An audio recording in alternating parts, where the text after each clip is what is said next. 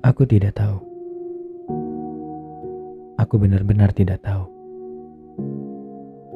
Lalu, mengapa semua orang selalu bertanya padaku? Tidakkah mereka mengerti kalau aku tidak tahu? Salahkah jika aku tidak tahu? Apakah sebuah ketidaktahuan adalah sebuah dosa? Bukankah semua hal yang ada sekarang ditemukan berawal dari ketidaktahuan, sehingga kita mencari jalan untuk menemukannya?